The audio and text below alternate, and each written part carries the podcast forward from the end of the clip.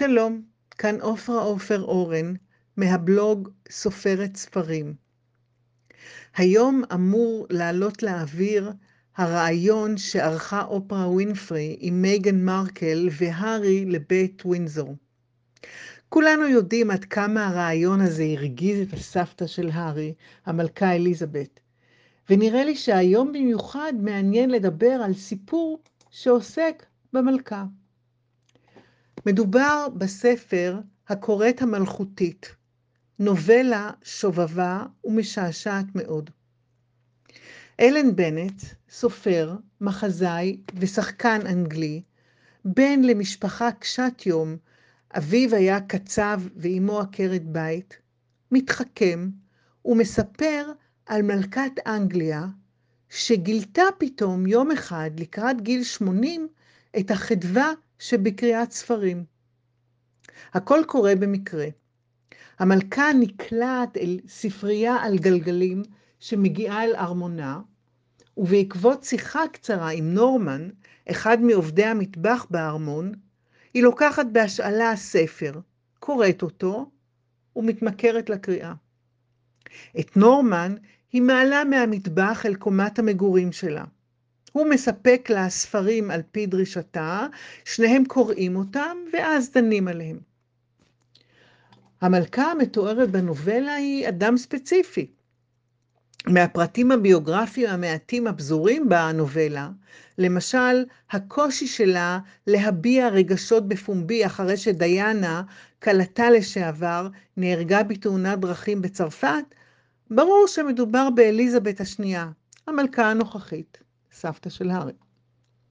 בנובלה היא בת 80, כיום היא כבר בת 95.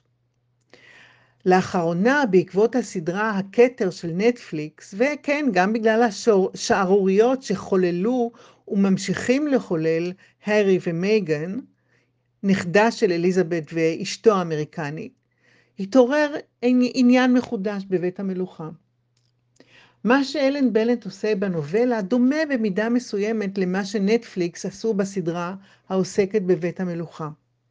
בשני המקרים היצירות חודרות אל חייה הפרטיים של המלכה ומראים אותה מבפנים, בדלת אמותיה המרווחות מאוד כמובן. כשהיא שרויה בפרטיות שלה עם בעלה, הדוכס פיליפ, עם ראש הממשלה או עם אחד היועצים שלה. המלכה שבנט מצייר משכנעת. היא חריפה, שנונה, וכמובן מרוחקת מאוד מכל מיודעיה. הסובבים אותה מוטרדים מהתמכרותה לקריאת ספרים. ההתמכרות משתלטת עליה עד כדי כך שהיא מסרבת להיפרד מהספר שהיא קוראת גם בדרכה לנאום הפותח את ישיבת הפרלמנט הראשונה. למרבה השעשוע, היא פיתחה טכניקה שבה היא ממשיכה לקרוא בעודה מנופפת לשלום לנתיניה. בעלה נוזף בה ומפציר בה להפסיק לקרוא, אבל היא מסרבת להיכנע. בכלל, בעלה מתואר כמין בוק קשה הבנה. למשל, אחרי תקופה ממושכת של קריאת ספרים, ואחרי קונצרט שבו היא שומעת מוזיקה של מוצרט, היא מבינה פתאום שלה בניגוד לסופרים, הרב, לסופרים הרבים שקרא עד כה ולמלחינים כמו מוצרט ובטהובן, אין קול משלה. היא אומרת לבעלה שאין לה קול. הוא קונקרטי ומוגבל, משיב לה שלא פלא, בחום הזה טבעי שתאבד את הקול. לא רק בעלה מוטרד מההתמכרות שלה לקריאה, גם ראש הממשלה והעוזרים הבכירים שלה שכולם מתוארים כבורים גמורים, לא מצליחים להבין את התופעה, מתנגדים לה, ומשתדלים להניא את המלכה מהקריאה. היא מגלה סופרים רבים וחשובים, והם מודאגים מכך שהמלכה שוב לא מתעניינת בבגדים או בשלל החובות המייגעות המוטלות עליה. מעולם לא, הת... לא התלהבה מהן, אבל עכשיו נראה לה בזבוז זמן להשיק ספינות, להשתתף בנשפים, לנאום בפרלמנט, לטפל בתיבות המסמכים המונחות על שולחנה, או לנהל שיחות בטלות עם אנשים משעממים. כל חייה היה לה תפקיד, להתעניין, לא לעורר עניין, אבל היא קצה בחיים הללו. משעשעות מאוד תגובותיה לסופרים הרבים שהיא מגלה.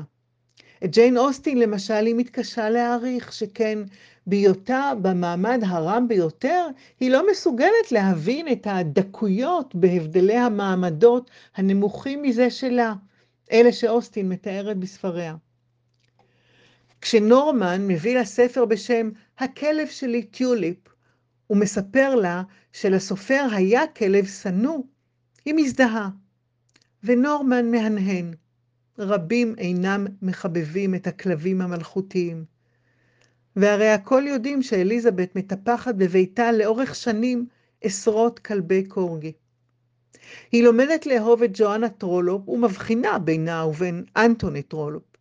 מפתחת חיבה לווירג'יניה וולף ולדיקנס, שספריהם מעוררים שיחות ערניות בינה ובין נורמן. במהלך נסיעה לקנדה היא מגלה את אליס מונרו, וזאת אחרי שהפקידים הסובבים אותה העלימו בכוונה את הספרים שהביאה איתה, בציפייה להתענג עליהם בנסיעות הממושכות ברכבת. העובדים שלה רואים בקריאה מעשה חתרני, ומשוכנעים שעליהם למנוע אותו ממנה, אולי מכיוון שהיא בין היתר רואה בה אמצעי להצ... להצית את הדמיון. ובכלל, רבים מעובדיה חושדים בה לפרקים שמחמת הזקנה היא הולכת ונחלשת, שכלית ונפשית, וסובלת מטשטוש הזיכרון. אבל עד מהרה הם נוכחים לדעת שהיא לגמרי בשליטה. כך למשל, כשאחד העובדים מתלבט אם להציץ ביומן ששמטה כדי להאיר משנתו את היועץ הזקן שהגיע אליה לביקור, היא חוזרת לחדר ממש ברגע הנכון, מושיטה יד, מודה לו בקרירות, מחזירה לעצמה את היומן, ובו ביום מפטרת את העובד. בעבר היה מוצע להורג על עבירה כזאת, מאיר המספר. אליזבת מוכיחה שהיא שולטת בעניינים. כמה מהתובנות של אלן בנט, כזכור בן למשפחת פועלים, משעשעות מאוד. כך למשל הוא מסביר שהמלכה היא אולי הדמוקרטית האמיתית היחידה במדינה, שכן מבחינתה אין שום משמעות לאף שם של אף אדם, כמו גם לכל מה שקשור בבני אדם. הבגדים שהם לובשים, קולותיהם, המעמד שלהם. מאחר שהיא ממש מעל כולם, הם שווים בעיניה, ולא משנה מי הם או מניין באו. בניגוד לסובבים אותה, המלכה מתרגשת מספרים באמת, ומבינה את חשיבותם. ספרים לא אמורים להעביר את הזמן, הם עוסקים בחיים של אחרים, בעולמות אחרים. ובקריאה, כך היא מגלה, הכל שווים. הספרות, אמרה לעצמה, היא קהילה, האותיות רפובליקה. הקריאה מזכירה לה את החוויה שחוותה עם אחותה ביום הניצחון על גרמניה בתום מלחמת העולם השנייה, כששתיהן חמקו מהארמון והסתובבו בחוצות לונדון אינקוגניטו. הספרות היא אנונימית, היא משותפת, היא דבר שחולקים עם אחרים, ובין הדפים היא יכולה להיות לא מזוהה. משעשע במיוחד תיאור כינוס הסופרים שהיא מארגנת. הם מתעלמים ממנה, עוסקים בשיחות בינם לבין עצמם, עד שהיא חשה שהיא מרחפת בשולי הקבוצות, שאיש לא משתדל לצרף אותה אליהן. היא מגיעה למסקנה שאת הסופרים מוטב לפגוש בין דפי הספרים שלהם. גם תיאורי המפגשים שלה עם ראש הממשלה במיוחד אחרי הסצנות המוכרות בסדרה הכתר, מצחיקים מאוד. בראשית כהונתם מבקשים ראשי הממשלה שהממשלה תחזיק לה, שהמלכה תחזיק להם את היד, וכשהם מבקרים אצלה, שתלטף אותם ותעניק להם טפיחת עידוד, כמו ילד שמשתוקק להראות לאימא שלו מה עשה. ובנט ממשיך ועוקץ את מרגרט תאצ'ר.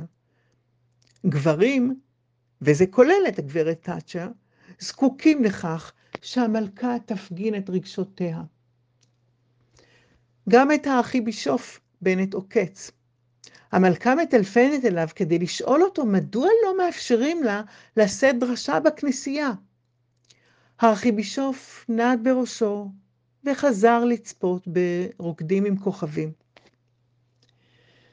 את אורח החיים המוזר של המלכה מתאר בנט בקצרה כשראש הממשלה מעלים את נורמן בלי ידיעתה. הוא עוד ישלם על כך ביוקר.